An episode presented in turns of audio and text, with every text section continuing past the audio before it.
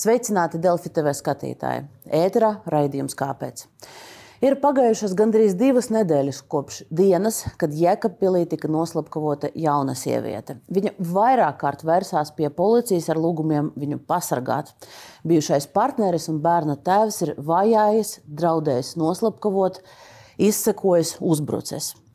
Bet nedz iesniegumu policijai, nedz vēstule ģenerālprokuroram bijuši iedarbīgi un slepkavība ir notikusi. Kāpēc tā? Mēģināsim to saprast ar politiķiem, amatpersonām, ekspertiem, bet sākumā ieskats tajā, kā risinājās šie notikumi.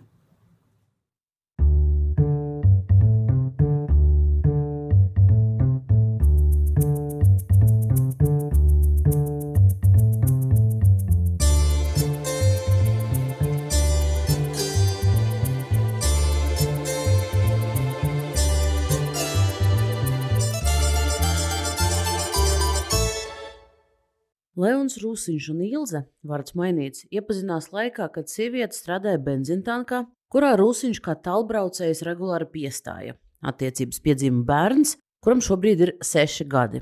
Rūsiņš pret dzīves biedri bija vardarbīgs, tāpēc pirms aptuveni diviem gadiem sieviete attiecības nolēma izbeigt un pārcēlās pie mātes.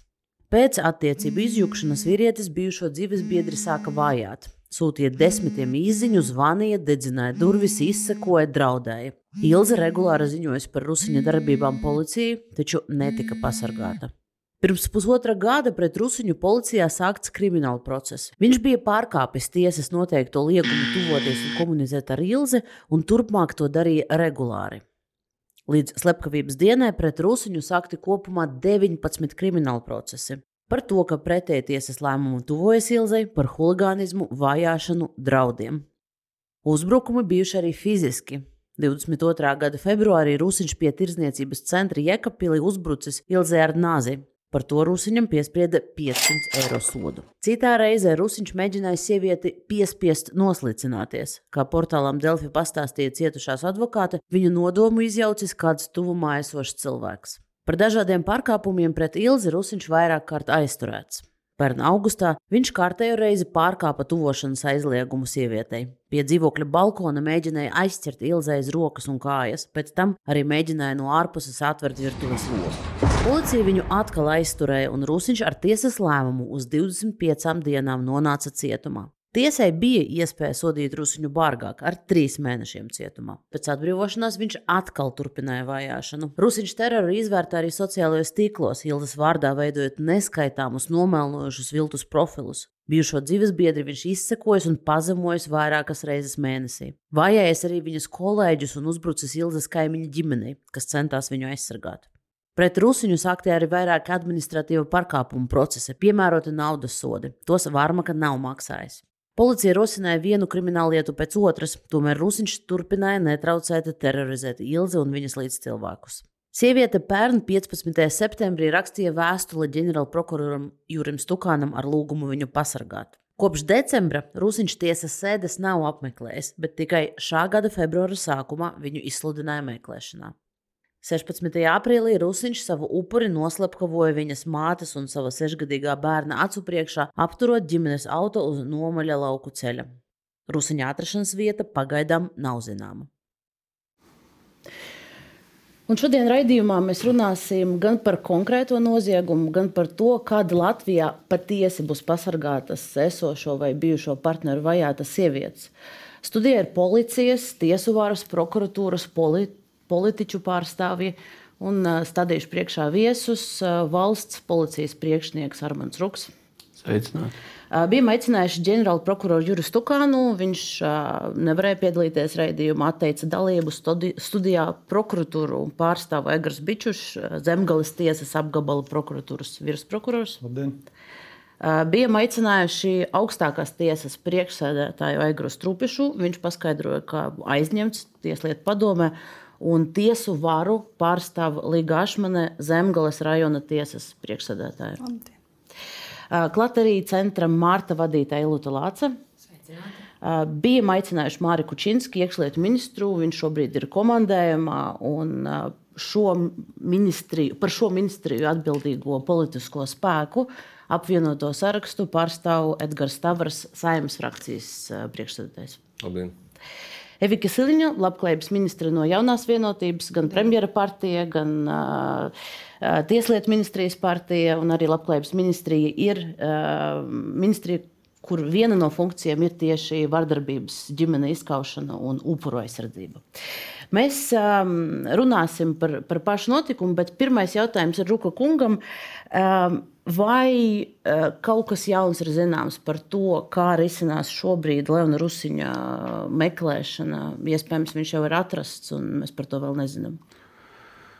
Šobrīd atrasts viņš vēl nav. Notiek uh, aktīva izmeklēšana, meklēšanas pasākumi gan uh, nacionālā, gan starptautiskā līmenī.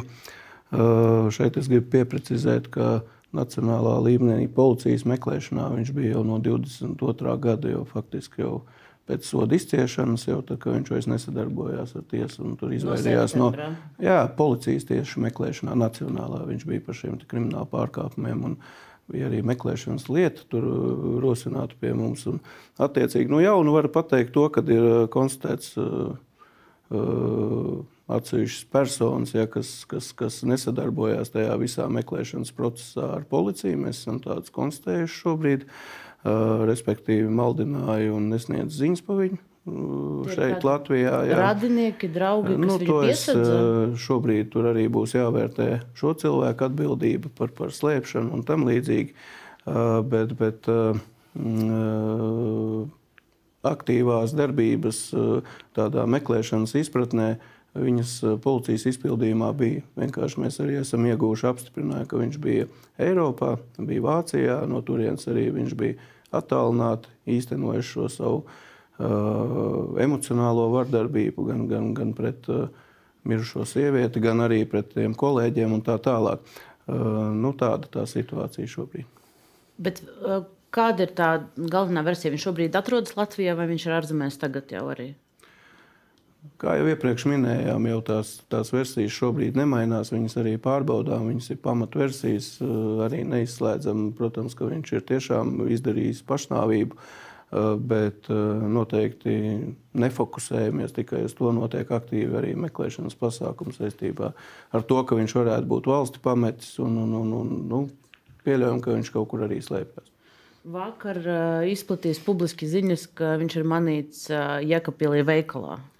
Jā, nu, cilvēki izplatīja daudz ziņas, bet es no paša rīta, kā ieraudzīju šo ziņu, tad arī mēģināju noskaidrot, kas tur ir īsti. Tas nu, būtībā šobrīd ir nu, liecina, ka tā ir fake ziņa. Um, labi, tad, tad šo, šo sadaļu par, par aktuālo meklēšanu mēs, mēs varam noslēgt un tad runāt par, par šo gadījumu kā tādu. Um, un runāsim par to, vai ir bijušas tiešām policija un citām struktūrām iespējas šo sievieti pasargāt.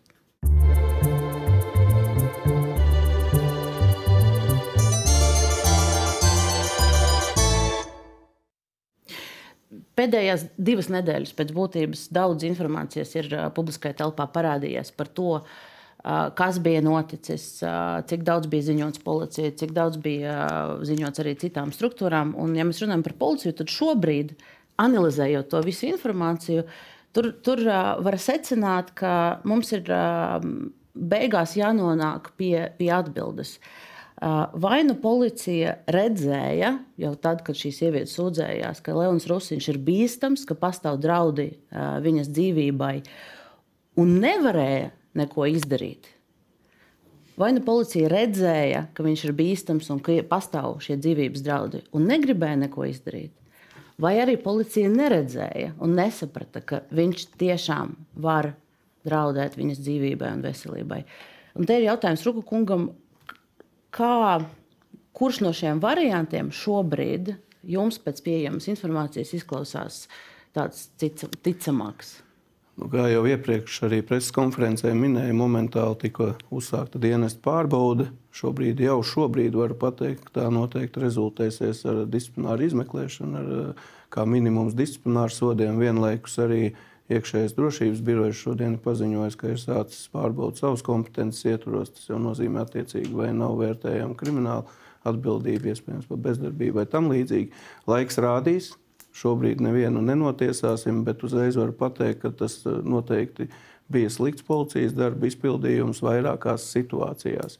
Es nesaku, ka kopumā netika darīts, tika reaģēts, un tur nav bijusi tāda, kad tiktu ignorēti šie signāli. Vienkārši uh, katrā nu, Vairākos tajos gadījumos, piemēram, pie tā paša veikala, kur, kur kā atklājās, izrādās ir administratīvais sots par maznozīmīgu miesas bojājumu nodarīšanu, balstoties uz eksperta atzinumu, protams, ņemot vērā, ka administratīvā soda likumā šī norma paredz, ja tur ir šī kopējā saimniecība vai, vai, vai attiecīgi šīs attiecības un tam līdzīgi tad ir nu, konkrētais inspektors konkrētā vietā iztulkojis šo kā to normu, kas jāpiemēro. Bet šeit es gribu arī nomierināt sabiedrību un arī jums pateikt, ka viņš turpināja no, no tā 18. viņš turpināja un, un šajā periodā līdz 23. aprīlim par to arī par to veikalu gadījumu, kopā ņemot arī par tām turpmākajām piecām dienām, tika uzsākts krimināla process attiecīgi jau par, par, par šīm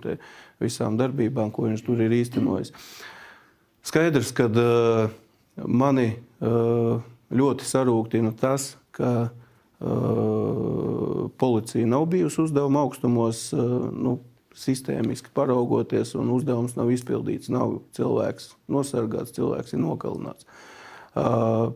Šeit ir noteikti policijas atbildība, šeit ir noteikti arī prokuratūras atbildība. Viennozīmīgi par tieši neņemšos spriest, jo, jo, jo galu galā noteikti arī Ašmanas kundze arī pateiks savu viedokli šajā sakarībā, kādā veidā tiesā tiek lietas sistematizētas, skatītas, kā termiņi un vispārējais. Bet šeit es gribu pateikt to, ka pats ļaunākais, kas ir noticis, eh, kad eh, tajā iecirknī nav situācija kopumā paņemta un vērtēta pietiekami nopietni.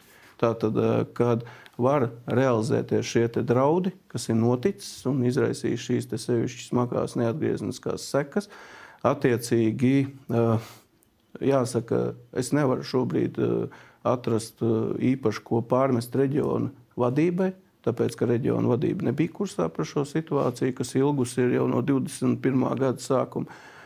Respektīvi, es no apgabala virsprokurora arī sapratu, ka arī apgabala prokuratūra, arī prokuratūras vadība nebija kursā un sanāk lokāli gan policija, gan prokuratūra risināja šo samilzušo problēmu nemeklējot, nu, ja ir likumā kaut kāda problēma, piemērošana, atrašana, vēl kaut kas, nu, tā tad ir jāceļ šī problēma augšā, citā līmenī, kaut līdz politiskam līmenim un attiecīgi jārīkojas. Tas netika darīts. Attiecīgi šeit es uzreiz gribu pateikt, ka, diemžēl, bet uh, Jēkabpils, bijušā Jēkabpils iecirkņa vadītājam šī brīža austrumu uh, zemgāles iecirkņa vadītājam Bērziņkungam, diemžēl, uh, Eh, nu, nav izdevies sev pierādīt no tāda uh, vadītāja profesionālākā. Uh, profesionāls pieejas viedokļi, saskatot šo situāciju kopā. Protams, tur vēl ir tiešo priekšnieku jautājums un tam līdzīgi, bet Jēkabpils nav tā pilsēta, kur notiek vienkārši simtiem notikumu visu laiku, un, un, un ka tur nevarētu izkontrolēt un saprast, ka tur ir uh, problēma ilgstoši. Tā, tas ir tas, ko es gribu. Tas pirmais pārmetums, ka nesaskatīja pietiekoši nopietnu šo apdraudējumu. Nec policijā, nec prokuratūrā. Situatīvi rīkojās, aizturēja, veda uz prokuratūru, kad bija noķerams. Nākamais jau tiesā arī piemērojas pātrinātā procesā šīs 25 dienas. Protams, jautājums ir arī par šo tiesu psihiatrisko ekspertīzi, ko, protams, var tikai piemērot, kad persona ir aizturēta. Vai tajā brīdī Eh, kad eh, viņš tika apcietināts un, un tiesāts par šo te un piemērots eh, šis spriedums par tām 25 dienām. Tur jau arī bija nu, tie fakti, arī bija tiesā lieta ar trīs epizodēm. Vienlaikus tajā visā laikā vēl bija prokuratūrā ar astoņām epizodēm, un vai aizgāja līdz tiesai vai neaizgāja, to kolēģis to pateiks. Visu. Jā, bet tas ir tā kopaina, kā sistēma nenostrādāja, lai mēs nosargātu cilvēku. Un, un es paskaidrošu, kāpēc. Uh, par to tiesu psihiatrisko ekspertīzi, šeit ir arī jāskatās. Jebkurā procesa stadijā to var noteikt procesa virdītājs, arī tiesa. Un, un... Mēs, mēs, Rukungs, mēs, es, es jūs pārtraukšu, mēs līdz, līdz tam aspektam ceru, ka mēs pagūsim nonākt, bet, bet vienkārši atgriežoties pie iecirkņa vadītāja Rolanda Berziņa, es nemaldos, pie, jūs saucat viņu šobrīd kā cilvēku, kuram bija jāpamana. Un, un, un, jāpamana. Vai, vai šobrīd jūs varat pateikt jau tagad par kaut kādu atbildību, ko jūs no viņa prasīsiet? Kungs noteikti šo amatu zaudēs, tas ir viennozīmīgi. Neskatoties uz to, ka vai tas būs disciplināra izmeklēšanas ietvarā, piemērotais sots, kā, kā nu, sasniedzot noteikto apstākļu kopumu, pierādot šo disciplināru atbildību, vai tas netiks sasniegts. Jebkurā Viņš... gadījumā viņam kā vadītājam, neskatoties uz viņa ilgo dienestu. Viņš tiešām ir arī policists, eh, kurš ir daudz laba izdarījis, un viņš ir policists, kurš savulaik bija iejaukts tajos Jēkabpils laupīšanas gadījumā, kad viņš eh, stājās pretī un eh, šau, šau, nu, saka, bruņotā šajā laupīšanā un arī piedalījās pakts aktīvi un, un sašāva šo te noziedzniekus. Ja, un, un, un, nu, t, nu, vienalga, šajā situācijā šī cita situācija, ir atbildība jāuzņemās. Ja viņš šo atbildību atstāja pie sevis un nelaida tālāk ne reģionālā līmenī, ne centrālā līmenī, Man par šo situāciju ziņa ienāca īsiņā, telefonā, kad ir nogalināta sieviete. Viss pirmā ziņa, ko es uzzinu, tas nav viņš, normāli. Viņš tiks uh, pazemināts vai, Noteikti, vai, jā, nu, vai arī atlaists piemēr... vispār no dienesta? Nē, nu, par atlaišanu šeit ir jāvērtē, tāpēc ir dienesta pārbauda un tas ir atlaišana ir disciplināra uh, sots kā smagākais disciplinārs sots. Ir jāvērtē konkrēti, ko, ko konkrēta amatpersona nav izdarījusi, bet šeit arī jums jāsaprot, kāpēc tā pārbauda ir apjomīga un būs apjomīga. Tāpēc, ka ir ilgs laika periods, ļoti daudz materiālu, ļoti daudz kustību, kur kas ko ir izdarījis, kāpēc tā ir kvalificēts vai savādāk.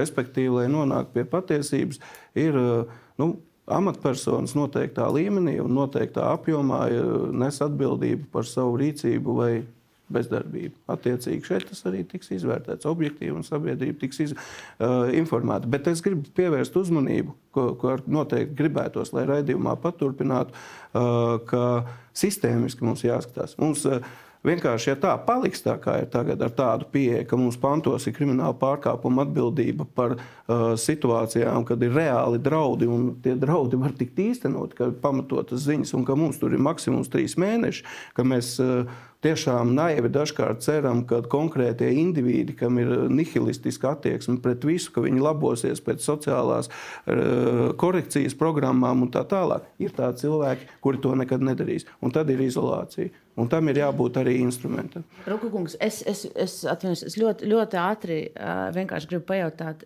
šīs nav pirmais gadījums, kad jūs redzējāt, ka tā sistēma nestrādā, ka sodi ir nepietiekami, ka jums nav pietiekoši instrumenti. Šis vienkārši ir gadījums, kad mēs ieraudzījām, ka tas noveda līdz, līdz, līdz, līdz slepkavībai. Jautājums, kur jūs, jūsu mm, tiešie padotie bija visu šo laiku, redzēdami, ka, ka nav instrumentu? Mēs nedzirdējām skaļi no policijas, ka lūdzu, mēs nevaram pasargāt sievietes. Dodiet mums jaunus likumus. Uh. Tā gluži nebūs jau sākoties šim stāstam jau no 14. gada, kad eh, tika iestrādātas šīs normas. Tāpat tās arī policija bija tā, kur gan pa pagaidu nošķiršanu uh, meklēja šos instrumentus, lai var īstenot. Tāpat uh, pagājušā gada februārī arī šobrīd policijai ir instruments bez uh, personas pieteikuma. Uh, šo te nošķiršanu jums nebija. Ne, saprotiet, šeit par ir stāsts par sodiem, par to tik, visu. Tik skaļš gadījums kā šis, nu tieši tik skaļš ceļš. Nu, tā īsti es neatceros savā praksē. Protams, Protams, kad es vēlreiz saku, pie, es aicinu pieiet pragmatīvi šai situācijai, jebkurā gadījumā, lai mēs atrastu risinājumu. Skaidrs, ka ir šie signāli, mēs arī sadarbojamies ar Martas centru un vispārējais, un, un kad atnāk arī līdz nu, līdz uh, centrālam līmenim mums visu laiku ir patstāvīgā gan krimināla tiesību uh, jomā darba grupa, kas darbojās gan ar nozares uh, kolēģiem kopā, gan iesaistot arī gan NVO, gan visus pārējos, tātad arī no Tieslietu ministrijas. Tiek tas darbs visu laiku darīts. Visu laiku mēs esam tādā uzlabošanas procesā. Nu, šobrīd mēs esam likumā, tur, kur mēs esam. Šobrīd, ja nebūtu šāds gadījums, uh, ejot, es tikai tagad es vienkārši sajūtu, kādā veidā ir gatavi tomēr reaģēt arī nu, cilvēki, kas ir atbildīgi par likumdošanas jomu, ka tomēr šeit jāskatās plašāk, ir jādod uh, lielākas atbildības un tā tālāk. Jo arī krimināla procesu, lai iedarbinātu noteikts mehānismus, tas ir atkarīgs no atbildības apmēra konkrētā krimināla likuma pantā. Bet jūs piedāvājat, dodiet mums lielākus sodus? Uh, par, par, par, par pārkāpumu tuvoties. amplitūdu, lai, lai spriežot tiesu, lai paliek iespēja vadoties no konkrētiem pierādījumiem, apstākļu kopuma. Tas ir tas pats gan naudas sods, gan probācijas uzraudzība kā pamatsods, gan sabiedriskais darbs, gan brīvības atņemšana. Bet es aicinu viņu pie šiem tādiem, kad ir vienots noziedzīgs nodarījums, to es arī jau pēc notikuma jau arī krimināltiesību apakškomisijas vadītājiem Judim Kungam ar iekšlietu ministru saskaņojot šo jau pirmos priekšlikumus sniedzām, lai ir lai ir smags, no, no, noziedzīgs nodarījums. Ziniet, kāpēc? Tāpēc, ka šādos akūtos gadījumos var iedarbināt kaut to pašu personu speciālo aizsardzību. Un ko Dombūra kungs saprotam, teica, to, ka var pa pārkāpumu, nu nav tā likumā drusku savādāk. To, to, Tur, tur, tur vēl ir īstenībā no juristiem iebildumi, ka varēja gan uh, iedarbināt uh, dažādas iespējas pasargāt šo sievieti, bet uh, es dzirdēju, te jau uh, bija vēlme izteikties? Nē, nu, vienkārši es domāju, ka, ja redz, tiešām, ja redz, ka ir tas dzīvības un veselības apdraudējums, tad jau var izmantot arī tos, to visu to rīku klāstu, kas mums jau šobrīd likumā ir. Es saprotu, ka ir uh, problēma tālāk, proti. ja, piemēram, uh, proti apcietinājumu. Proti, proti. Uh, proti uh, to, ka uh, pirms tiesas izmeklēšanas laikā uh, šis cilvēks var būt uh, ieslodzījumā un, un kad var piemērot brīvības atņemšanu, kā tas arī likumā ir paredzēts. Un tā, nu, vienkārši var šo visu iedarbināt. Jautājums ir par to, cik uh, ir nu, cieši arī tā starpinstitucionālā sadarbība šī gadījuma risināšanā un drošības plāna nodrošināšanā. Un arī, uh, protams, te arī izriet tas, ko mēs runājam, ka vienmēr ir iespējas kaut ko uzlabot. Es varbūt Latvijas kundze to jautājumu mazliet nofokusēšu uz to sākumu, un mēs nonāksim līdz tam. Es, es, es gribēju, neaizējām prom, es vienkārši gribu pauponēt. Ļoti, ļoti īsi ļoti tikai, jo es gribu atgriezties pie konkrētām darbībām. Jo šis apcietinājums ir īslaicīgs. Brīvības atņemšana īslaicīgā ir īslaicīgs. Naudas sots nestrādā. Cilvēkam nav ienākumu, nav neko atņemt, viņš viņu ignorē. Respektīvi, katra epizode prasa resursu nenormālāko. 20 epizodes arī prokurora kungs pateiks, ka Jā, tas ir. Jautājums ir, kāpēc tad, kad viņai uzbruka ar nazi? Tas nav slepkavības mēģinājuma kvalifikācija. Tas, nu, tā ir slepkavības, jā, tā ir slepkavības mēģinājuma. Sots, administratīvais sots šajā situācijā vispār vardarbības ģimenē gadījumos no administratīviem sodiem vajadzētu izvairīties, jo viņi, viņi, viņi nedarbojās. Viņi kaitē tikai gan cietušajiem, gan arī ģimenes budžetam un, un tam, ka var kaut ko dabūt no šī vardarbības veicēja priekš bērniem un, un ģimenes uzturēšanas.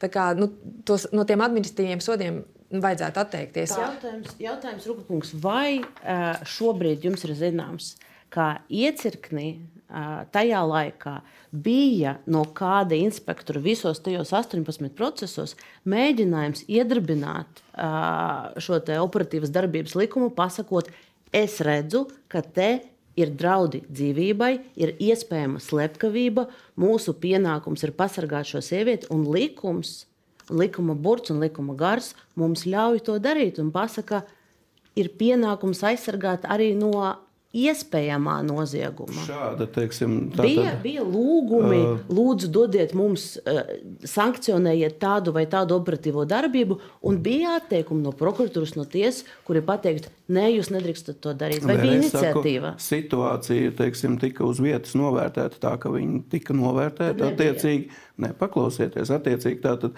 runājot par slepkavību, tātad atbildība mums likumā ir viena, gan par mēģinājumu, gan par sagatavošanos, gan par, protams, līdz galam novest. Un šeit Uh, nu, nesaskatīja sagatavošanos. Bet atkal te juristiem diskusija jāvērš, kas ir sagatavošanās. Vai tā ir šī sistemātiskā bombardēšana ar īziņām, braukšana klāt, draudēšana, pārkāpšana šo, te, šo te pagaidu aizsardzību. Nu, tā tad šeit, acīm redzot, šo sagatavošanos nesaskatīja uz vietas. Nu. Nu, es vienkārši gribētu minēt, ka ja mums uh, vajāšana uh, ir jau ar 18. gadu noteikta uh, ar kriminālu atbildību, atbildību. Mēs saredzam, ka tas ir noziegums. Un, un arī visos semināros, visur, kur mums ir bijušas arī starpinstitucionālās uh, mācības, uh, tiek uzsvērts, ka vajāšana tas ir augsts apdraudējums dzīvībai. Un tur ir, ka te visa koka, ka, kad vienmēr zina, kur tu atrodies. Nu, tā tad tas ir tā, ir tā sagatavošanās, un kad ar to ir jārēķinās. Un draudz, draudi dzīvībai.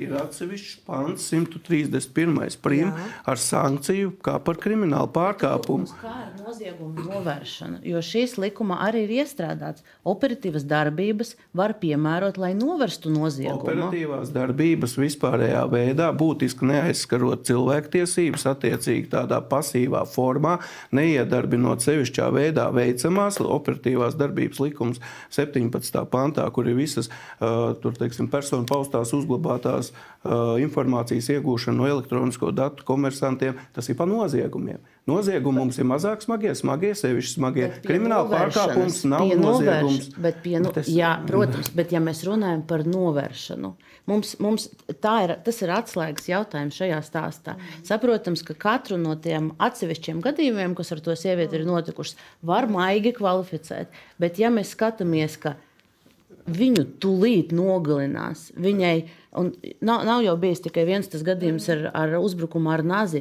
Viņai pūsts ar seju, uh, un tur klāt visos tajos gadījumos bērns ir bijis klāt. Viņš es, to ir redzējis.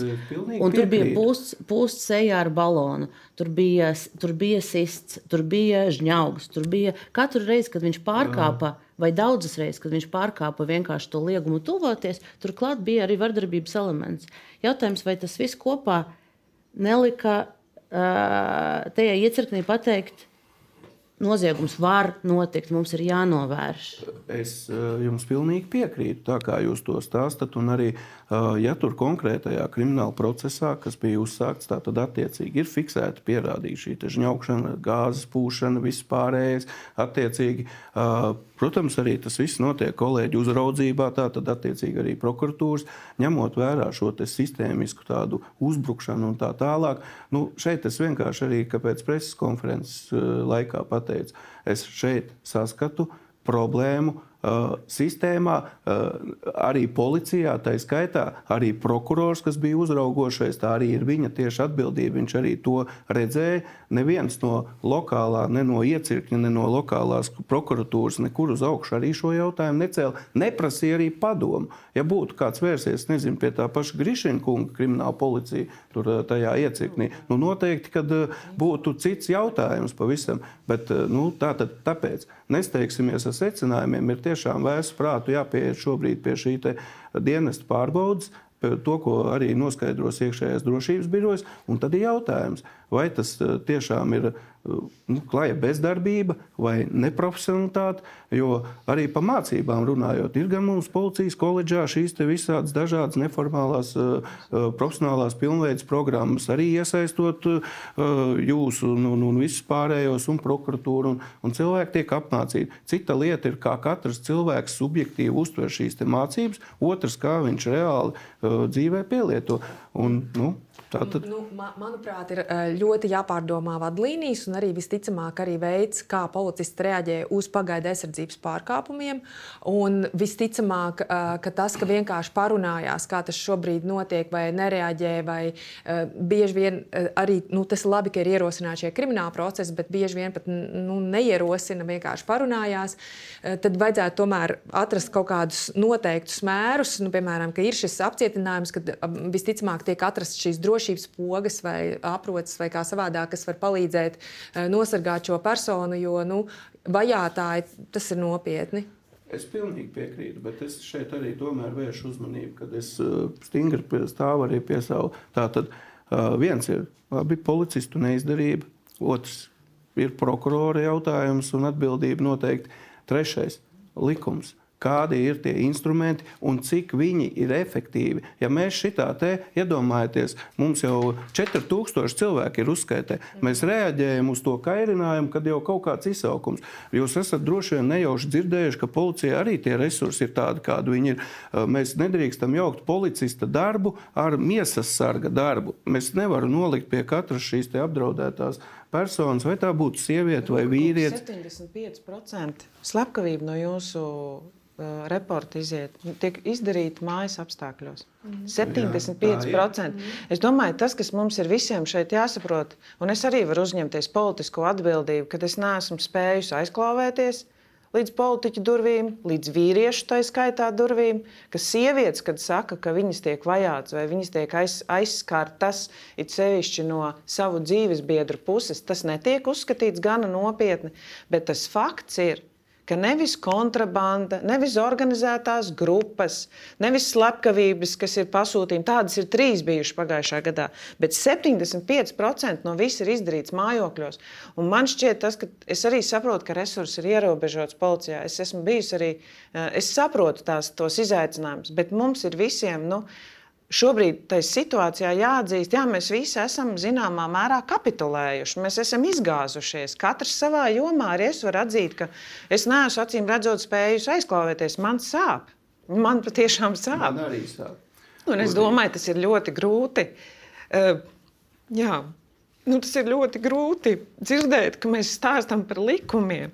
Kaut gan patiesībā es nezinu, es mācījos juristos, un tur mācīja, ka slepkavības mēģinājums ir tad, ja tevi vajā, tev dur ar nāzi, ko tad vēl viņam vajadzēja darīt? Ko vēl vajadzēja darīt, lai kvalificētu to par slepkavības mēģinājumu? Manuprāt, tur ir visas pazīmes. Protams, ja skatās katru lietu atsevišķi, tad tās ir varbūt mazi nodarījumi. Un, manuprāt, tad, kad ir smagāks noziegums, tad visi mazie noslaukās. Mēs to visi kā juristi labi zinām. Protams, prokuratūra arī ir izgāzusies, jo prokuratūra ir tā, kas pasaka policijai, vai to lietu virzām pēc tādas kvalifikācijas vai pēc tādas. Tur nav tikai policijas vainas viennozīmīgi.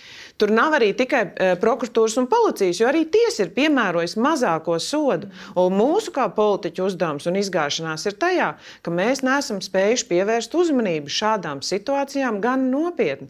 Mēs sadarbojamies ar Martas centru Labklājības ministrijai, ir līgums, jūs sniedzat tieši NVO tie, kas vardarbībā cietušām sievietēm sniedz palīdzību. Mēs esam arī tajā brīdī, noteikti pāris gadus atpakaļ, valsts neapmaksāja krīzes dzīvokļus. Mēs tādus esam finansējumu pieprasījuši šogad no, no Jūlijā būs arī valsts apmaksāta šāda dzīvokļa, bet to līdz šim ir nodrošinājis Marta centrs. Es atzīstu, ka arī mēs noteikti kā sociālie dienesti, tie, kas ir mūsu aprūpē, kur būtu jāparūpējas par upuri, ir zināmā mērā nespējuši saskatīt problēmu, arī nav atklāvējušies tā kā uz augšu, ka tur ir tāda situācija.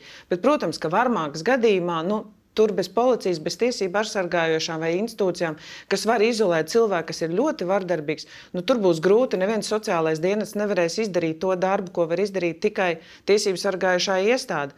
Un, manuprāt, tiešām tas, kas mums visiem ir jāsaprot, ka lielākais nozieguma potenciāls, tur, kur mums ir jātērē savus resursus, ir pasargāt cilvēkus, kuri tiek nogalināti vai miesas bojām nodarīt mājas apstākļos. Es atceros policijas statistiku vairāk gadu garumā, tas nav mainījies.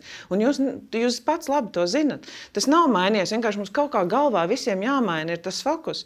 Un arī runājot par, diemžēl man jāsaka arī par, par saviem pārējiem kolēģiem, mums bija strīds, par ko valdības rīcības plānā par to, ka mums bija strīds ar iekšlietu ministriju. Viņi negribēja vienoties par to, ka tiks izveidota monitoringa sistēma tieši sieviešu vardarbības gadījumos. Par to man bija strīds ar iekšlietu ministru. Un mēs nenovienojāmies, jo tas jā, daļēji arī to paredz šīs slavenā Stambulas konvencija. Mm kur man jāpiekrīt, kaut kā sakrīt ar to, ka tie, kas viņu negrib ratificēt, arī nav šīs darbības tajā reālajā ziņā. Bet, labi, es...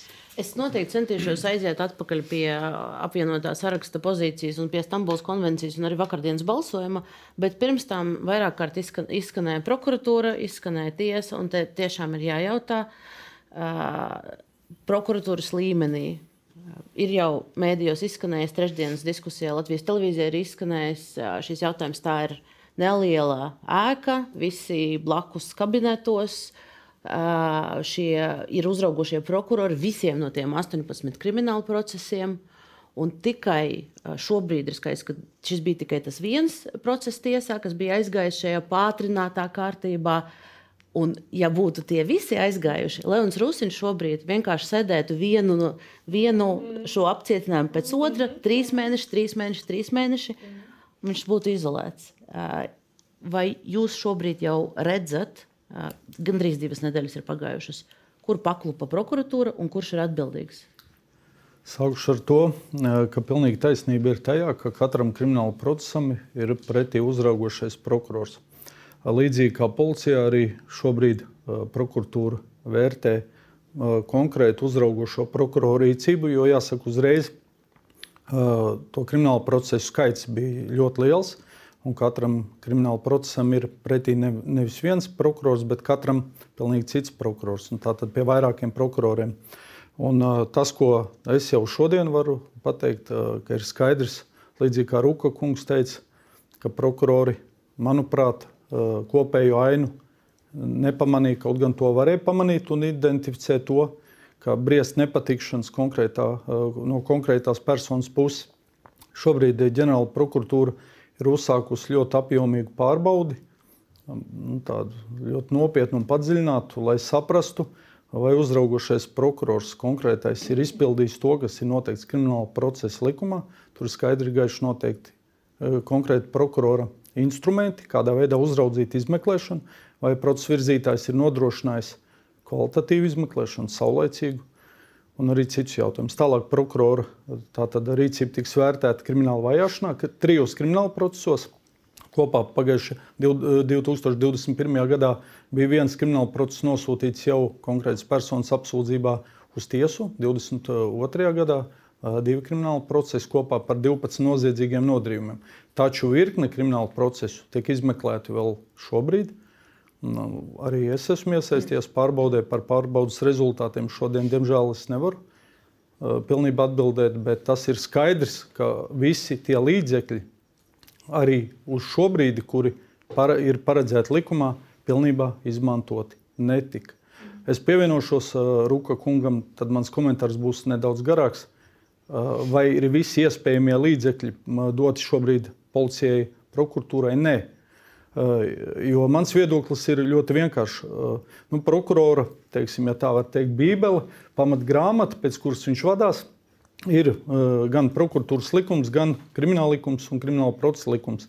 Un, ja likumdevējs ir definējis, ka mantas zādzība nelielā apmērā un mantas bojāšana, kas, manuprāt, ir tāds nu, triviāls, noziedzīgs nodarījums, ja pats par sevi vienkārši tiek vērtēts pēc sankcijas daudz augstāk nekā cilvēka dzīvības apdraudējums, tā pati vajāšana, tā pati nolēmuma nepildīšana, tad, manuprāt, šeit ir pilnīgi nepareiza vispār mūsu sabiedrības izpratne es, par to, es, ko mēs aizstāvam. Es gribētu jūs pārtraukt, es gribētu pieturēties pie tā, kur jūs atzināt, ka prokuratūra neizdarīja visu iespējamo. Es pieņemu, ka daļa no tā ir tā nevirzīšana šo procesu tādā pātrinātā, pātrinātā tempā, ko prokuratūra varēja izdarīt. Bet vēl viens aspekts, kas ir ļoti svarīgs, ir tā attieksme, ar kuru saskarās šī sieviete un viņas advokāta brīdī, kad viņas vērsās pie tiesību sargājušām iestādēm. Un es gribu nocitēt, nospēlēt vienu fragment, no kas notiek Latvijā raidījuma, kas trešdien tika tika noticis tiešā ēterā, tur ir runājusi nogalināta sievietes advokāte. Varam noklausīties, kā viņa apraksta satikšanos ar vienu no prokuroriem. Bet es teikšu, ka es personīgi runāju ar prokuroru. Mana doma bija pateikt viņam, ka es esmu tas cilvēks, kas satiek šo, šo upuri. Es redzu, cik traģiska tā situācija ir, kādas tur jau ir dzīvnieciskas bailes no šī vajātāja. Un es ar prokuroru Butleru runāju un teicu, prokuror, tā ir ļoti nopietna lieta. Nu, lūdzu, ko dariet? Atbilde bija, ka nu, šādi mīlnieki, viņi jau tikai draud, viņi jau neko nedara. Atbilde ļoti vienkārša. Kā jau minēju, notiek pārbaude arī tā skaitā konkrētajā komentārā. Un es gribu pateikt vienu. Tā ir gan ģenerāla prokurora kompetence, nevis mana, bet zinot viņa attieksmi pret konkrēto gadījumu, tas, ko es esmu uzklausījis, kad viņa rīcība pārbaudas beigās būs ļoti skarba. To es varu apsolīt. Tas ir kāda? Līdzīgi kā pret policijas darbiniekiem, arī prokuroriem darbojās gan disciplināra atbildība. Tad Smagākais tiks... ir darba tiesisko attiecību pārtraukšana, un arī prokurors uh, bauda saka, pēdiņās to pašu. Saka, imunitāti, viņš var, ja ir izdarījis noziedzīgu nodarījumu, tas var rezultēties ar kriminālu procesu uzsākšanu pret viņu. Par to šaubu nevajadzētu būt. Jūs pieļaujat, ka tas varētu notikt šajā gadījumā? Tā ir ģenerāla prokurora kompetence. Bet, uh, Biškungs, jums ir jautājums tieši par to attieksmi, jo uh, šī frāze, un mēs visi, kas esam saskurušies vispār ar komunikāciju ar citiem cilvēkiem, saprotam, ka šādas frāzes nenotiek vakumā. Tas, ka prokurors šādā veidā ir, ja, protams, pieņemot, ka šis tika atstāstīts precīzi, atļāvās tādu frāzi, tas nozīmē, ka tā ir iestādes kultūra. Ka šīs ir pieņēmums par to, kā mēs saskatām vardarbību pret sievietēm. Un tā ir arī jūsu atbildība. Uh, nu, viņi strādā, tā ir jūsu prokuratūra. Pilnīgi piekrītu. Man personīgi, gan kā prokuroram, kas savu darbu ļoti augstu ciena, tas arī man personīgi šis uh, advokāta atbilde, tātad uh, kāda ir komunikācija bijusi, personīgi ļoti aizskara. Tas man liekas ļoti nepieļaujami, un, kā jau teicu, arī tas tiks ņemts vērā. Tas, manuprāt, nav pieļaujams ne pret advokātu, ne pret vienu procesā iesaistītu personu. Prokuratūras likums un ētikas kodeks prokuroru ir skaidri gaiši definējis prokuroru, tā skaitā uzvedības kultūru. Runa jau nav par uzvedību, runa jau nav par frāzi, ko atļāvās pateikt, nepateikt, bet par domāšanu. Tā ir pārliecība tieši tā. Par pārliecību, ka šīs nav nopietni. Pēc būtības pat ja visi pēc šī mēs varam, es nezinu, ko, ko klātesošie vai man piekritīs, bet pēc šī mēs varam redzēt, ka pat ja uh, būtu tie visi gadījumi saskaitīti kopā, iespējams, pat tad nesakot rīcība pie šādas attieksmes pret šo konfliktu, uh, pret, pret šādas agresijas būtību kā tādu. Jautājums, vai, vai jūs šobrīd jums ir plāns, ko jūs darīsiet, lai mainītu šo kultūru, uh, šo toksisko kultūru, kur sievietēm netic, kur viņu dzīvībai nav vērtības? Es palūgšu sagaidīt vispirms pārbaudas rezultātus, jo ne tikai par konkrēto prokuroru iet pārbaudas atgādināšu, kā jau es teicu sākumā, katram krimināla procesam pretī prokurors un kaut vai tie krimināla procesi, kur tika virzīti uz tiesu, ir, ir vairāk prokuroru iesaistīti šo noziedzīgu nodarījumu izmeklēšanā, krimināla vajāšanā. Un tiks vērtēts uh, kopumā, tā skaitā šis jautājums. Un es teicu, personīgi man tas ir klāji nepieņemami. Es izsaku nosodījumu vienlaicīgi, ja šāda atbilde ir bijusi. Tas nav pieņemami un tas viennozīmīgi grauj visas prokuratūras prestižu, diemžēl. Bet jūs, šis ir pirmais gadījums, kad jūs saskaraties ar izpratni par to, ka šāda ir attieksme pret, pret vardarbību pret sievieti. Ja atbildētu konkrēti uz jautājumu tieši uh, konkrētā noziedzīgā nodarījumā, jā, bet par cik daudz gadus es esmu pildījis uh, prokurora attestācijas komisijas locekļa uh, pienākums uh, ir arī mm, prokuroru tātad, uzvedības kultūra, izteikumi tā tālāk vērtēt arī attestācijas komisijā. Bet nu, man nav bijusi tāda konkrēta saskara.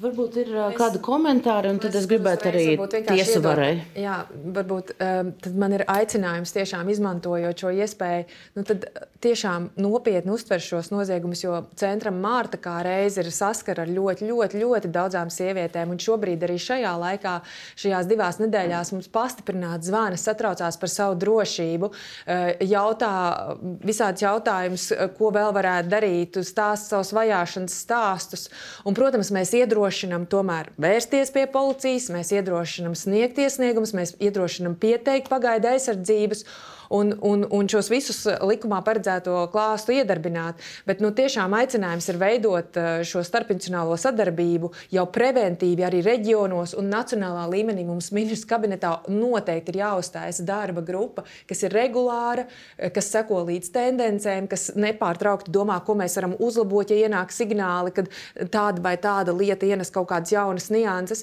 Jo nu, tas ir process, tam tā būtu jābūt. Un, un gal galā, es domāju, ja mēs ratificējam ratificētu Eiropas Padomus konvenciju, tas mums noteikti arī palīdzētu visā šajā procesā virzieties uz priekšu.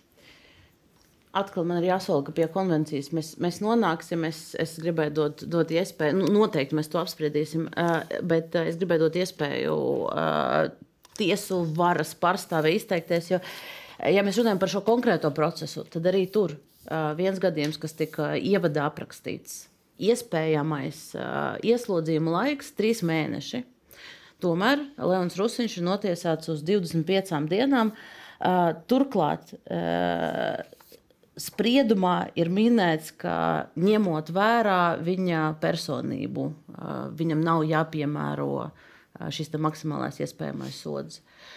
tiesai bija iespējas arī panākt, lai šie procesi tiktu izskatīti ātrāk.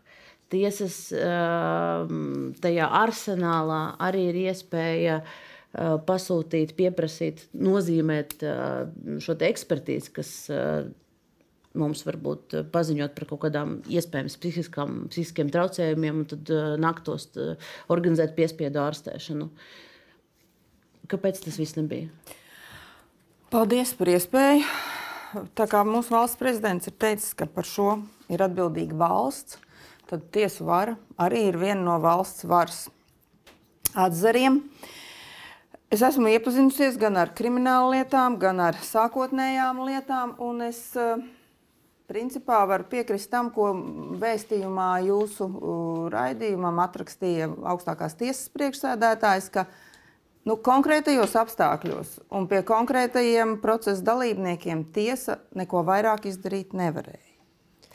Un es gribētu sākt varbūt ar pašu sākumu, jo krimināla lietas tās ir sekas jau kaut kādu lēmumu nepildīšanai. 2021. gada 30. augustā tiesa piemēroja pagaidu aizsardzību pret vardarbību. Un principā jau dažas dienas pēc tam un laika posmā līdz gada beigām tiesa dara visu, lai saglabātu šo pagaidu aizsardzību. Jo pati sieviete, pati iespējamā prasītāja, nāk vairākas reizes uz tiesu un lūdz atcelt šo pagaidu aizsardzību, piemēroto. Jo varmāk tiek, grib tikties ar bērnu, viņam ir ļoti labas attiecības ar bērnu. Un tad, ja nemaldos, tas bija novembris, kad nu, tiesa dara to, ko lūdz. Protams, mēs, mēs ilgi tiesnesis ilgi turējās pretī, saprotot arī šīs sievietes psiholoģiju un šo varbūt kaut kādu emocionālo uh, stāvokli. Bet nu, tajā brīdī tiesa atcēla pagaidu nodrošinājumu pret vardarbību pret bērnu, bet pret prašu sievieti pagaidu aizsardzība tika saglabāta. Un tika saglabāts šis pienākums varmākam iziet sociālās uh, rehabilitācijas pakalpojumu. Bet sieviete ņem un pārsūdz šo lēmumu apgabaltiesā. Kaut gan tas ir pozitīvs viņai. Apgabala tiesā tiek konstatēts, ka sieviete dzīvo kopā ar varmāku, un līdz ar to nav pamats saglabāt vairs nevienu aizsardzības līdzekli. Tas jau, tas jau pienāk decembris. Nu, paiet divi mēneši, un sieviete ir atpakaļ tiesā ar jaunu pagaidu aizsardzības uh, piemērošanas lūgumu. Nu, tiesa piemēroja visu iespējamo, ko varēja piemērot šos pagaidu aizsardzības līdzekļus. Man, man ir jums jāpārtrauc. Jo... Jā. Uh, es, es iespējams, ka uh, nepareizi interpretēju, bet tas, ko es saklausu, ka vismaz šajā, stā, šajā stāsta chronoloģijā, tajā sākuma posmā, jūs pārliekat atbildību no tiesību sargājušām struktūrām, tostarp no tiesas, uz sievieti, kas vēlāk tika nogalināta uz upuri? Nē, es gribu teikt, ka tiesa mēģināja palīdzēt un darīja likuma ietvaros visu, lai viņai palīdzētu. Bet tiesai ir arī nu, vara nepārtraukt šo pagaidu aizsardzību. Ja viņi redz šo apdraudējumu dzīvībai, un viņi saprot, ka varmākam ir veidi, kā viņš ietekmē sievieti, lai viņa nāktu ar šīm prasībām un lūgumiem. Jā, bet arī pret bērnu. Jo, ja, piemēram, e, tas, ko piemēram Mārta mēs darām, un tiešām es izmantoju ēteru un saku visām sievietēm, ja jūs prasat pagaidu aizsardzību, lūdzu, prasiet viņu sev un saviem bērniem, jo bērns sava, savu, savukārt var kļūt par ārkārtīgi manipulējošu lietu, pēc tam tālāk, lai panāktu, ka sieviete dara vienas vai citas lietas, e, lai, lai viņš tālāk varētu atkal viņu pakļaut, pazemot, kontrolēt un uh, visādā veidā ietekmē. Kā, um, mēs esam redzējuši arī, kā strādā tiesas citās valstīs, un, un es esmu bijusi klātesoša arī tiesas sēdēs, kur es redzu, kā šis manipulatīvais varmāka grib uh, panākt dažādus atvieglojumus sev, bet, uh, t, uh, un arī, protams, tur ir upuri iesniegumi un, protams, pamatojumi, bet tiesa saskatot šos draudus un apzinoties, uh, apzinoties, ka ir šī kontrolējošā vardarbība, ka tur pastāv vajāšana, bijuši žņaukšana uh, un tā tālāk. Viņi saprot šo vardarbības risku un viņi nekādā veidā neiet uz nekādām atlaidēm. Šajā, šajā, šajā posmā man, es, es ļaušu jums atbildēt un uzdošu papildu jautājumu, bet uh, man jāatvadās šobrīd no RTV skatītājiem, jo tur mēs ierakstēsim paraidīt vēlāk pēcpusdienā, un tur mūsu laiks jau ir beidzies. RTV skatītājiem paldies un uh, atgādināšu, ka diskusijas turpinājumu tad jūs varat redzēt arī Delfī TV arhīvā. Par kriminālu. Par krimināllietu, bet uh, mums, mums tas laiks ļoti ātri iet uz priekšu, tāpēc es mēģināšu par kaut kādiem specifiskiem vēl posmiem pajautāt. Uh, šis, šis spriedums uh, tomēr man neliek mieru, jo uh, tiesa, es, es nocitēšu, tiesa ņemot vērā apsūdzēto personību, um, atzīst, ka sodu var noteikt zemāku par vidējo apmēru. Un trīs mēnešu vietā piespriež 25 dienas. Protams, iespējams, šie trīs mēneši būtu jau iztecējuši, un, un, un Leons Rusiņš tik un tā būtu jau uz brīvām kājām uz šo brīdi. Bet, jebkurā gadījumā, arī šis, līdzīgi kā prokurora izteikums, ko mēs nocitējām, ko tas parāda mums? Kāpēc, kāpēc kas tajā personībā saskatīja tiesa, kas ļāva uh, palaist ātrāk uz brīvām kājām šo cilvēku? Tātad, ja mēs runājam tieši tikai atrauti par šo vienu lietu, kas tika ienākusi pagājušā gada augustā, par vienu, nozie, vienu epizodi, par vienu kriminālu pārkāpumu pātrinātā kārtībā. Tātad tiesa izskata kriminālu lietu tā, kā to uztur valsts apsūdzība, apsūdzības robežās un pēc lietā iesniegtajiem materiāliem. Mums nav citas informācijas, kas varbūt ir policijai, varbūt ir prokuratūrai, varbūt ir vēl kaut kam. Bet ja mums viņu neiesniedz, personību, kas, kas, vai jums šobrīd Tātad par, kā- vienu, par vienu epizodi viņš pirms tam sodīts nebija. Sodāmības viņam nav. Lietā nebija iesniegt pierādījumi ne par vienu atbildību pastiprinošu vai atbildību mīkstinošu apstākļu. Viena epizode, pirmo reizi sodīts, un pie krimināla pārkāpuma izlaicīga brīvības atņemšana ir bargākais soda veids. Vairumā gadījumu piespriež, piespriež, piespriezt tos trīs mēnešus. Prokurors prasīja mēnesi un div, pie- 20 dienas. Tiesa tik un tā ir brīva piespriest. Tiesa nevar maksimumu. vairāk piespriest, kā prasa. Tas ir par sliktu apsūdzētajiem. Nu, ir šie visi, šis, visi nosacījumi. Un, ko es gribu piebilst, tieši pēc tam, dažas dienas pēc tam, kad tiesa pieņem spriedumu šajā vienā epizodē, pātrinātā kārtībā, tiesā ienāk nākošā lieta 5. septembrī par astoņām epizodēm. Kāpēc viņas neatnāca kopā? Tad mēs skatītu par deviņām, un sots būtu noteikti bar, eh, ilgāks.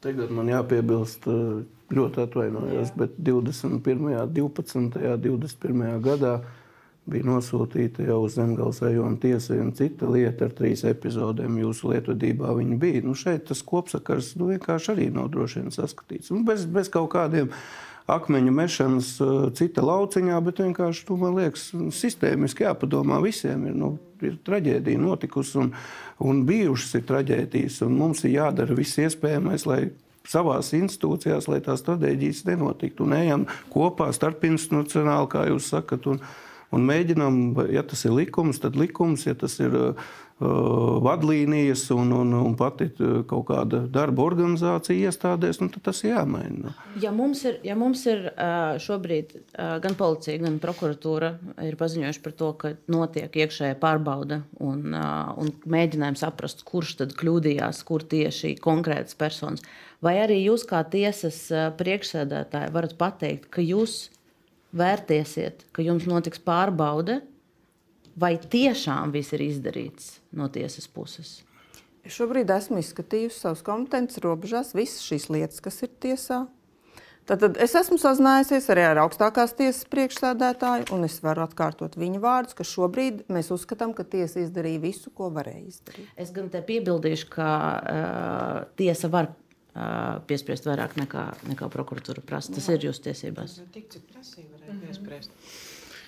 Ok, tad nu, šīs, šādas, šādas, es domāju, ka skatītāji varēs vērtēt šīs atbildes. Um, Īsumā es gribēju atgriezties, mums jāiet uz, uz tām lielām lietām, un, un, un gribētos mazliet parunāt par Stambulas konvenciju. Uh, bet uh, Ruka kungam jautājums par, par to stāstu. Pirmo. Mēs sākām runāt, uh, un jūs sākāt savu uzrunu ar, ar, ar piebildēm par, iz, par, par meklēšanu, par to, ka Leons Rusiņš tika meklēts jau no pagājušā gada septembra. Un tad te ir jautājums, nu, kā tad viņš tika meklēts, ja viņš visu laiku parādījās pie tās sievietes, ja viņš fiziski nonāca ar viņu kontaktā, uh, un policija viņu nesatvera, ja no septembra meklēja. Viņš nāca klāt, viņš, viņš, viņš nāca klāt pie bērniem, viņš rādījās apkārt? Man ir ļoti jāprecizē, vēl, bet cik man šobrīd atmiņa neviļ, tad pēc tā soda izciešanas nu, viņš jau tādu īstu inkognito variantu jau pieņēma, jau būtībā slēpās. Tā nav rupjas. Jā, varbūt. Tā var nav. Būt, ir, tāpēc... iesniegums, ir iesniegums policijai par to, ka viņš ir nācis klāt pie bērna bērnu laukumiņā. Ir, ir iesniegums decembrī par to, ka viņi tika izsakot un novērot. Tad viņi redzēja, ka viņi izsako un novēro. Jā, tur tika pārbaudīts, bet tur bija ziņas, ka viņš pat Latvijā nav uz to brīdi. Nu, tur ir tiešām tāpēc, bet saprotiet, nācis klāt laukumiņā pie bērna. Es, es arī šobrīd, jā, es pieļauju, es pieļauju, ka tāds arī gadījums ir. Nu, viņš pienāca, aizbrauca, pēc tam paziņoja, atbrauca, meklēja. Bet, bet kā izpaudās tad policijas meklēšana? Es vēlreiz jums saku, tāpat kā, kā prokuratūrā notiek ļoti stingra dienas pārbauda. Šobrīd ir jāsaprot, kurš ko ir izdarījis vai neizdarījis, un pēc tam būs šīs atbildes. Šobrīd, atrodoties šeit un visu to neizlasot un nepārbaudot, es nevaru pateikt viennozīmīgi, kas ir kas kā ir bijis. Skaidrs, ka eh, noteikti nemeklēja tikpat intensīvi kā bunkus, varbūt slepkavs ja, un tam līdzīgi. Tāpēc, kad ir krimināla pārkāpums, ir resursi, ir uzskaitē citas personas, ir izsaukumi un, un viss pārējais un tam līdzīgi. Es neattaisnoju. Es vienkārši saku, uzdevums nav izpildīts, cilvēks ir vienkārši nogalināts. Un, un tas ir eh, kopējās sistēmas jautājums un arī konkrēti amatpersonu jautājums. Tik, tik vienkārši. Vai, vai jūsuprāt, citas sievietes, kas šobrīd uh, ir vajātas uh, un uh, ir pakļautas briesmām no savu esošo vai bijušo partneru puses, uh, viņu, viņu Latvijā šobrīd, šajā momentā, ir daudz? Vai viņas tagad ir drošībā? Vai jebkurš, viņas ir policijas pasargātas? Ja kādai vardarbībai pakļauts cilvēks, nedalīsim pat dzimumos. Es, es likums nedala dzimumos. Bet, ja konkrēti par sievietēm, Eh, skaidrs, ka šīs būtībā šīs briesmas ja jau ir eh, pieņemts arī šis tiesas lēmums par pagaidu aizsardzību vai, vai policijas lēmums par pagaidu nošķiršanu, ja par šo policijas lēmumu par nošķiršanu. Tad attiecīgi nu, pastāv visu laiku zināma kaut kāda bažas, ja, kad eh, kaut kāda atkārtotība var notikt. Bet, tāpēc es neskatoties arī uz šo traģisko gadījumu. Un, un, un, un arī citiem varbūt gadījumiem, kad policija nav bijusi uzdevuma augstumos, ir ļoti, ļoti absolūtais vairākums, ļoti daudz gadījumu, kad mēs esam palīdzējuši šīm sievietēm un šiem cilvēkiem. Un arī uh, ir, ir, ir konkrēti arī skaitļi un viss pārējais. Es aicinātu, vienīgais, ko es varu pateikt, aicinu, aicinu un ļoti aicinu celt trauksmi Uh, Martas centrā, celt trauksmi policijas vadībai, celt trauksmi visos līmeņos. Jo, piemēram, šajā gadījumā man ne no viena avota neatnāca informācija par konkrētu tādu samilzušu problēmu. Tiesības sargs sarakstās, es atvainojos, sarakstās pat tiešo ar Jēkabpils iecirkni Tālāk, tas ģenerāla prokuratūra, nosūta šo te, es saprotu, uz vietējo prokuratūru šo te iesniegumu, kas bija advokāts sagatavots. Tur pārsūta atkal uz iecirkni, noslēdzās aplis bez kaut kādas nu, tādas nu, reālas, tādas kaut kādas pievienotās vērtības. Un, un, un, un šeit, nu, Šajā brīdī es tikai varu noplātīt rokas un skatīties uz priekšu, kā vēl ko, kā dabūt iekšā sistēmiski šo pieeju, lai maksimāli mēs varētu izvairīties no šādām situācijām. Jo vēlreiz saku, lai kā nu, var sist policija krustā, bet uh, miesas sargu es nevaru katram apdraudētājam nolikt. Un te ir stāsts, uh, te ir stāsts par to, ka tiešām ir jādomā par tehniskiem līdzekļiem, par, šīm, par šo elektronisko uzraudzību, par, par stingrākiem sodiem, lai tiesai arī ir iespēja nevis, ka mēs krājam tur 11 procesus, kas katrs prasa nenormālu resursu, lai viņi īstenot. Ja tas varmāk ir divreiz, trīsreiz pārkāpts, tad viss tad pantā ir konkrēti jau cita, cita sankcija. Nu, es saprotu, tā ir, es zinu šo pieeju, ka cietums nelabo un tam līdzīgi, ja, bet uh, mēs arī saprotam, ka uh, nu, mēs varam šādi cīnoties, vienkārši pateikt vienā brīdī, ka mēs cīnāmies ar vēdzinavām. Arī šai, šajā konkrētajā gadījumā es runāju vispār. Atgriežoties pie Jā. sistēmiskās atbildības. Uh, uh, Vai e, jūs nosaucāt to atbildīgo vienu personu, iecirkņu priekšnieku, vai jūs saskatāt sistēmisku atbildību arī citur policijas struktūrās? Uh, ir nu, trešdien atkal daudz, daudz tika apspriests uh, Grišna kungs, uh, jūsu vietnieks, ārējā kungs, kas atbild, atbild par visu reģionu. Vai jūs saskatāt, kā arī sistēmiski ir jāatbild arī ar saviem amatiem, iespējams, cilvēkiem, kuri nav spējuši uzbūvēt šo sistēmu tā sistēma tiek pastāvīgi uzlabota, būvēta, digitalizēta. Mēs esam nav. ielikuši ģimeni, nu ļaujiet paskaidrot, mēs esam ielikuši arī atzīmi NŽ ģimenes konflikts. Mēs arī citkārt vispār nesaņemam ziņu, kad tiek patiešo izsaukta pašvaldība policija uz kaut kādu ģimenes konfliktu, nu, apējot valsts policiju. Nu, vienkārši mēs nezinām tos stāstus. Un, un, un šeit ir tas stāsts kad, par to, ka, jā, protams, šeit, kad jau ir noticis, mēs nu, varam visus rindā stādīt un, un, un sodīt. Un, bet mums ir galvenais, kas, un to mēs arī izdarīsim, atbildības izvērtēsim un tā tālāk. Bet galvenais ir jautājums par to, ko mēs varam uz nākotnē izdarīt tiešām sistēmiski pareizāk. Tātad šeit arī tā diskusija šobrīd ir ļoti nokaitēta un, un, un, un, un viņa turpināsies. Un ļoti labi, ka viņa turpinās. Viņai ir jāturpinās. Un arī par šo Stambulas konvenciju un visu pārējo, ja, un, un, un, un arī par virzieniem, kuros ir jāskatās, kā mazināt šo vardarbību pret sievietēm. Jo tik tiešām, ja pa policijas pieņemtiem lēmumiem pat nošķirsim 647 lēmumu pagājušā es, es gadā, 626, 97% ir sievietes. Bet, ja mēs runājam, es gribu tomēr par skaitļiem, ja mēs runājam par. Mēs, mēs, es domāju, ka šajā, es tiešām ļoti atvainojos, man jāpatrauc, jo, jo stundu mēs esam sarunā. Es jums garantēju, ka neviens no skatītājiem neuztver šobrīd to skaitļus, pat, pat ja jūs nolasīsiet pat visiespaidīgāko statistiku. Tā, tas, tā, tā uztvere strādā. Nu, bet par to sistēmisko atbildi policijas amatpersonām jūs, jūs neatbildējāt. Sistēmiskā atbildība ir šobrīd uzbūvēta sistēma. Nu, sistēma ir būvēta un sistēma ir. Bet viņa konkrētā gadījumā, ja nenostrādā teiksim, konkrēti cilvēki, neziņo uz augšu un tā tālāk, tas var jebkurā struktūra vienībā, jebkurā institūcijā tā notikt, jebkurā resorā.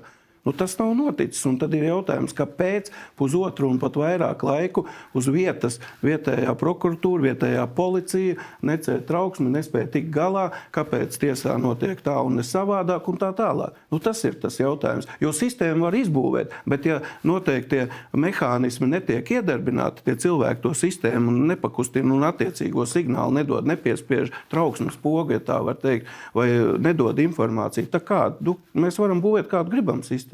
Jūs redzat arī savu atbildību šajā stāstā? Es atbildu par visu valsts policijas darbu. Par konkrēto rīcību uz vietas man nebija informācijas. Bet tā ir mana atbildība arī, protams. Un mans uzdevums tagad ir domāt, ko var darīt labāk. Es nekad no atbildības nevairos, ticiet man.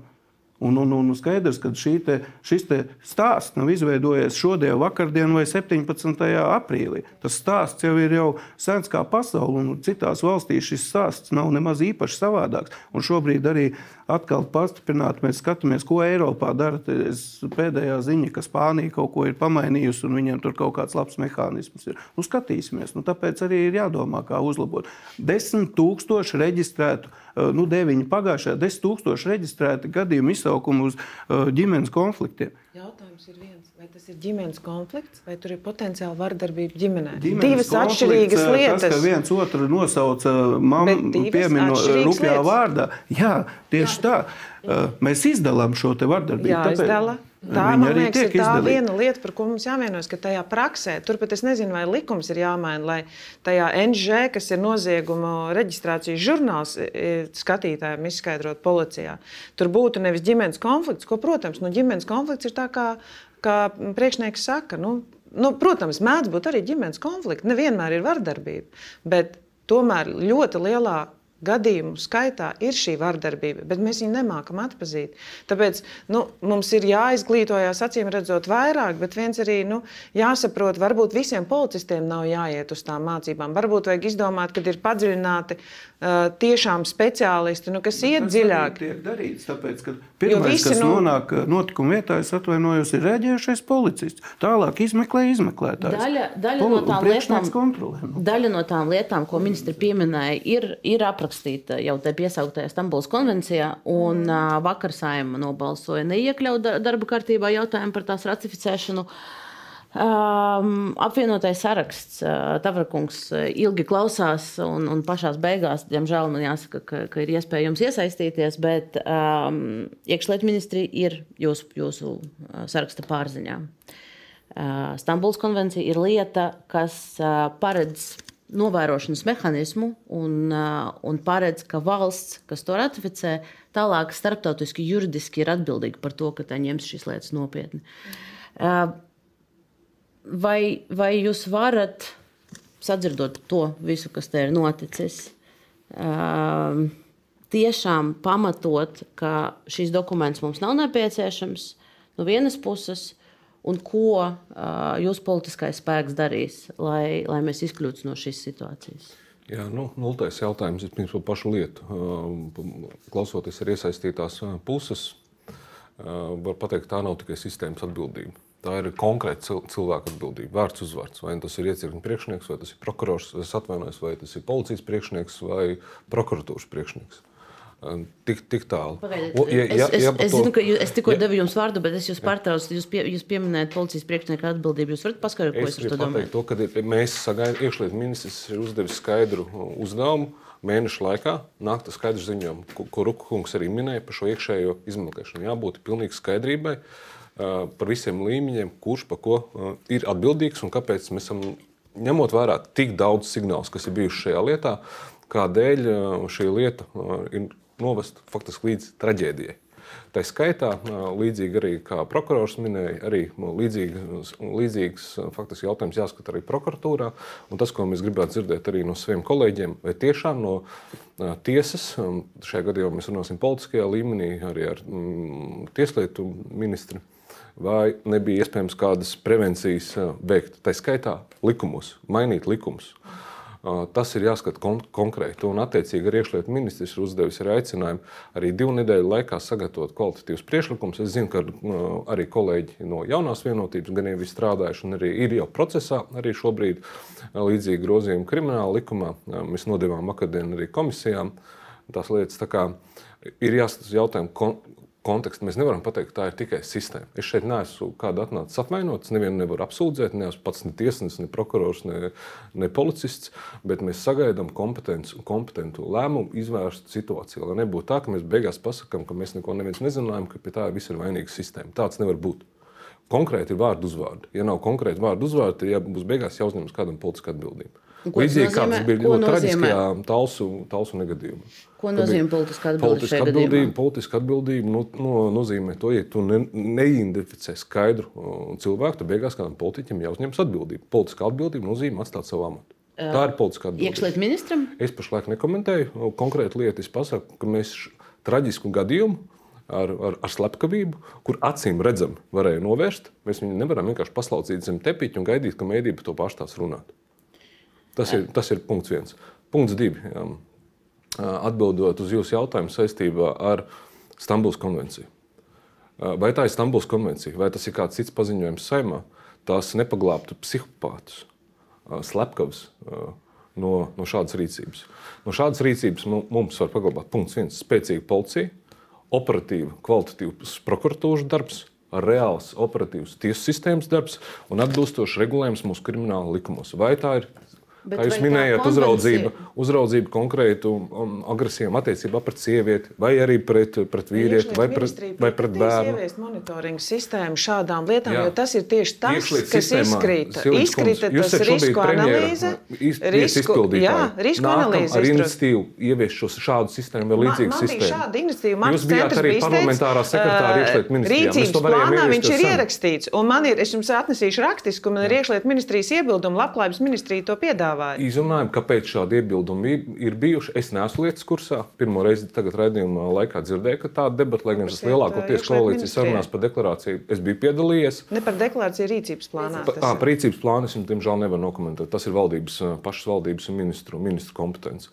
Bet runājot par Stambulas konvenciju. Uzklausot šo, šo konkrēto ideju vai, vai, un, un pamatojumu, vai jums ir skaidrs, ka šāda sistēma ir nepieciešama, un tad jūs iesiet to vispārīgu informāciju, ko es nu, dzirdēju no kolēģa Siliņa Mārtiņas kundzes man uz, uz ausī, tā drīkst izteikties. Man tā liekas, nu, noteikti apsverama iniciatīva. Es gribētu dzirdēt argumentus, kāpēc tas nav ieviests. Vai tas vai var, iespējams jau ir kāda sistēma, kur var pilnveidot, vai ir kādi citi argumenti. Te ir jā, jādzird visi argumenti, visi dotie lielumi, tad var pateikt kvalitatīvu galu lēmumu. Šobrīd uh, es, saku, es varu tikai pateikt, kā tas izklausās. Izklausās, ka virziens ir pareizs, bet jādzird, lai pieņemtu lēmumu otru pusi. Par Stambulas konvenciju jūs sakat, jūs sakat, ka tā nemainītu. Jā, par Stambulas, par Stambulas konvenciju manā ieskatā šīs ir um, divas nesaistītas lietas. Šeit es vēlētos oponēt uh, saviem kolēģiem. Uh, primārais, kas mums jādara, mums ir mūsu nacionālā likumdošana. Krimināla likums, tā skaitā, krimināla procesa likums, tā skaitā likums attiecīgi par prokuratūru, par, par tiesu varu. Mums ir vairākas lietas, ka, ka, kur mēs varam šos Sapratām. lietas regulēt. Īsi, ļoti īsi. Galvenais ir arī kapacitāte. Es dažas nedēļas atpakaļ biju Jēkabils iecirknī, mums kopīgi visiem. Es domāju, ka mēs zinām, kādā, kāds budžets mums ir iekšlietām. Mums ir jāstiprina. Mēs zinām, mēs pedagogiem, veselībai, bet iekšlietas ir trešā joma, kur ļoti ir nepieciešama resursi. Tas rezultējas tajā, ka šie cilvēki ir neinteresēti savā darbā. Viņi saņem tik mazu algu, ka bieži vien viņam nav intereses uh, kvalitatīvi strādāt uz pilnu jaudu. Viņš meklē kaut kādu papildus darbu, iespējams, vakarā. 5% iekšējai drošībai tas arī šobrīd ir. Tas arī ir valdības prānā. Vienmēr es atbalstīju resursu ieklietām, bet tas, ko jūs, Tavarkungs, tagad runājat, parāda, ka jūs, diemžēl, neizprotat, par ko ir stāsts. Man, diemžēl, jāsaka, ka ne krimināla process, ne uh, operatīvais likums, ne likums par prokuratūru nepateiks, neiemācīs izpratni par vardarbību kā tādu, kas tas ir. Stambuls konvencija, kāpēc ir vajadzīga? Zviedrijā, kāpēc vardarbība pret sievietēm pieaugusi? Ļaujiet pabeigt. Ļaujiet pabeigt. Jūs uzticās tiesību sargājošām institūcijām un ziņojumiem. Mēs būtu ratificējuši gadu vai divus apakaļ Stambuls konvenciju. Vardarbība nenotiks. Runiet par to, runiet par to, kā var analizēt šīs situācijas, lai tieši Visi speciālisti saprot, par ko ir stāsts. Ja tev ir vairāk gadījumu, pēc kā, kāds tur iztrūka šis monitorings un risku analīze, viņus nevarēja apskatīties kopumā. Visi faktiski šeit runājošie to arī apliecināja. Mm. Viņi neredzēja to bildi kopumā. Un Es negribētu, ka policijai ir jāuzņemas atbildība kaut kur dēļ tā, ka politiķi nespēja vienoties, kas ir jādara. Es domāju, tu, par to mums arī ir jārunā. Mums, jā, mēs zinām, ka Stambulas konvencija ietver ne tikai jūsu minēto šo monitoringu, tas ietver arī daudz citas ideoloģiskas normas, par ko notiek cīņa starp jā, uh, liberālu un konservatīvu es, spēku. Es, es Tā skaitā runājot par, par, par genderu lietojumu. Par tiem mītiem, kur jūs runājat par ideoloģiskām normām, kas Stambulas konvencijā, jeb Eiropas padomes konvencijā un Eiropas padomes valsts mēs esam mums tūlīt būs jāprez, eh, jābūt prezidējošai valstī. Mēs esam bijuši klāt pie šī dokumenta izstrādes. Tas nav no kaut kurienes ārpus uzspiests dokuments. Tur uh, nav. Tieši tāpēc mēs, kā Mārta, ātri izstrādājām jums izglītojošu materiālu, lai atspētu kaut mītus. Jūs vakardien viņu saņēmāt arī savā e-pastā, ilustratīvs, īsi, kodolīgi. Un mēs tiešām aicinām Jūs personīgi arī saviem partijas biedriem skaidrot un atmaskot šos mītus un, par, eh, un idejas par kaut kādām ideoloģijām, jo, jo konvencijas mērķis ir izskaust vardarbību pret sievieti un vardarbību ģimenē. Tas ir mērķis. Es domāju, jebkurš jurists. Jebkurš mūsu klātesošo šo mērķi, es domāju, šis ir ne tikai konvencijas Jā, mērķis. bet jeb, jebkurš jurists saprot, ka no šāda aspekta arī mēs skatāmies visus pārējos pāns un anotāciju. Jautājumi, kas skar, lai mēs varētu izskaust vardarbību jebkādu vardarbību. Mums ir jāintegrē mūsu nacionālā likumdošanā Precīzi. un jāstiprina uh, policija. Tiesvara un Jā. prokuratūra. Tas ir mūsu kopējais uzdevums. Jautājumi, par ko mēs nevaram vienoties, ko cits starp ietver arī Stambulas konvencija, mēs nevaram vienoties. Tik dēļ šīs vienas sadaļas, par ko jūs šobrīd šīs traģēdijas kontekstā runājat, es neesmu gatavs atbalstīt Stambulas konvenciju. Es atvainojos. Es darīšu visu iespējamo, aicināšu savus kolēģus, lai mēs varētu stiprināt uh, vispirms noskaidrot šos visus dotos lielumus, lai būtu atbildīgs vārds uzvārds. Un otrs ir, protams, mums jārunā par budžetu, tā skaitā par dažādu spēju stiprināšanu visos līmeņos. Atgriežoties pie, pie konkrētām, uh, konkrētām rīcībām, kas ir uh, iekšlietu ministrijas un iekšlietu ministra uh, pārvaldībā, jūs minējāt to politisko atbildību. Neatbildēt uz jautājumu, kad es prasīju, par ko tieši ir runa un kon konkretizēt. Bet uh, vai tas, ko es saklausīju, ir precīzi, ja nebūs nosauktas konk konkrētas atbildīgas uh, amatpersonas? Uh, no, no tiesību sargājušām iestādēm, kam ir jāuzņemas atbildība, tad Kučinskis uh, atkāpsies. Es, es redzu, man ir no iekšlietu ministrijas skaidrs arī ziņojums, arī speciāli, ko tieslietu ministrs, iekšlietu ministrs ir uzdevis. Viņš iet šo ceļu un ir aicinājis arī, ko Rupkungs arī apstiprināja, un arī ziņa ir no iekšējā drošības uh, biroja policijas kas izmeklē šo lietu, lai mēs varētu noskaidrot atbildīgās. Ja, manuprāt, šie soļi nebūtu veikti jau tagad, vai arī viņi paliks bez rezultātu, tad kādam būs jāuzņemas atbildība. Kam? Manā ieskatā, vai nu vērtējam visu kontekstā, tur ir vai nu iekšlietu ministrs vai tieslietu ministrs. Mē, mē, mēs raugamies, jā. Bet šobrīd es redzu, ka šīs šie jautājumi tiek skatīti. Vienkārši tu nevari pateikt, ka es, jā, es uzņemos un es neko nedaru. Šeit es redzu, ka rīcības ir, soļi ir. Un es redzu, ka no Kučinska kunga ir ļoti operatīvi un iekšlietu ministrijas ļoti operatīvi soļi. Un, un ciešā sadarbībā ar valsts policiju un es redzu arī, ka ir iekšējā drošības biroja. Līdzīgi kā tausu negadījuma situācija. Okay, sapratām, bet iekšlietu ministrs no jūsu teiktā vērtē arī Rukunga darbību šobrīd. Es nekomentēšu tālāk, es zinu, ka tiek. To, tā jūs, tā, tādu mājienu. Es nekādu mājienu nedodu jums papildus. Es jums saku, ka tiek vērtēta šobrīd visu iesaistīto um, amatpersonu, pušu. Šajā gadījumā, ja mēs runājam par priekšlietām, tad tā ir policija. Paldies. Es sadzirdēju, ka arī ģenerāla prokuratūrā ir tieši tas pats. Paldies. Un, attiecīgi, arī Tieslietu ministrijā uzskata, ir jābūt tieši tam pašam. Uh, mēs, mēs krietni esam pārvilkuši raidījumu laiku, bet tas, tas arī daļai bija sagaidāms. Rukokungs, jūs pirms raidījuma teicāt, ka jums ir jādodas, un tagad ir ļoti vēlu. Uh, uh, es gribētu vēl uh, Ilūtē Lācijai palūgt, norezumēt kā cilvēkam, kas strādā gadiem ar, ar vardarbības upuriem, eh, šo diskusiju, bet uh, jums ir iespēja pamest mūs šobrīd ātrāk, iespējams. Uh, Ar, ar kādu, vai no jūsu puses ir kaut kāds secinājums no tā, ko jūs dzirdējāt no, uh, no, no jūsu ministra? Jūsu ministra pārstāvošā politiskā spēka vai kāds cits secinājums? Tad... Secinājums ir. Jā. Secinājums jau bija arī pirms šīs diskusijas. Viennozīmīgi es piekrītu, ka šeit ir noteikti apakšā gan uzvārdi. Ne pat viens uzvārds, kam būtu jāuzņemās šī atbildība amatpersonas līmenī, konkrētās situācijas risinot. Uh, otrs ir tas pats attiecas uz prokuratūru, piedošanu, bet tā tas ir. Uh, jo tā ir un arī tiesai būtu tomēr jāvērtē iekšējās procedūras un kā konkrētajā situācijā darīts. Tas ir mans viedoklis, es pie viņa pieturos. No savas puses es varu pateikt, ka šī vardarbība ir, bija un paliek prioritāte valsts policijā. Kaut kur kaut kas nenostrādā kā vajag. Viennozīmīgi mēs visu laiku esam ceļā, lai mēģinātu uzlabot šo situāciju. Mēs varam par tiem cēloņiem runāt daudz un dikti, gan par resursiem, gan par izpratni, gan par izglītību. Uh, nav tā, ka kaut kas stāv uz vietas visu laiku.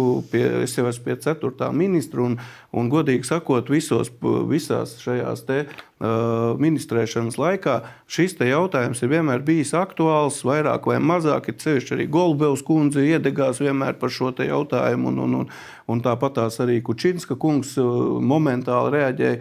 Šeit es domāju, ka ir uh, atbildība ir gan konkrētiem cilvēkiem, gan sistēmā ir problēmas. Un, un ja mēs tikai novelsim šo uz konkrētiem cilvēkiem, ko mēs noteikti arī pie atbildības ir jābūt, tur ir vai nu disciplinārā vai kaut kā cita. Bet, ja mēs nerisināsim sistēmiski, ja mēs nespēsim rast efektīvus sadarbības mehānismus starp valsts institūcijām, starp nevalstiskajām organizācijām, arī izglītošanu, vispārējo, tad, diemžēl, nekas neuzlabosies. Nu, tad mēs sagaidām, ka arī jūs meklēsiet, meklēsiet tās izējas. Lācis Kundze, es, mēs ilgi debatējām par visu, gan par sistēmiskiem risinājumiem, gan, gan par konkrēto gadījumu.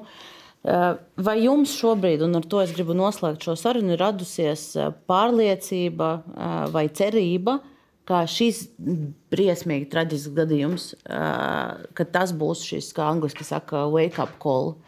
Ziniet, vakardienas balsojums par to, ka mēs nevirzamies uz Eiropas Padomus konvencijas ratificēšanu, šo cerību nokāva. Un tieši tāpēc mēs steigšus izstrādājām mītu atspēkojošu dokumentu, lai palīdzētu deputātiem gūt apgaismību un apgaismot arī tos vēlētājus, par kuriem viņi tā ļoti satraucās. Kaut gan mūsu pētījumi liecina, ka diezgan liels atbalsts sabiedrībā ir konvencijas stiprināšanai. Jautājums, kāpēc mūsu deputāti to neredz. Un pavisam noslēdzot vienkārši pavisam īsi, ja mēs saredzēsim, un mums būs nopietna attieksme pret vardarbību pret sievietēm, ka tas nav kaut kāds kašķis vai mīlnieku strīds vai kā savādāk, atradīsies gan instrumenti, gan arī idejas likuma uzlabojumiem, gan arī savstarpējai sadarbībai. Nu, tad eh, ar šo, ar šo eh, noslēdzošo eh, frāzi mēs arī atvadīsimies no, gan no skatītājiem, gan no raidījuma viesiem. Paldies visiem tiem, kas šodien mums sekoja līdzi, un tiem, kas klausījās mūsu ierakstā vai podkastu platformās, Apple un Spotify kur mūsu raidījums arī ir pieejams. Um, mēs noteikti turpināsim šo tematu. Mēs runāsim gan par to, kādi secinājumi būs policijas iekšējai uh, dienas izmeklēšanai, gan par to, kāda risinājuma politiskajā līmenī tiks atrasti, lai stiprinātu cīņu pret vardarbību pret sievietēm ģimenē un bijušiem partneriem. Paldies vēlreiz viesiem un skatītājiem. Tiekamies pēc nedēļas.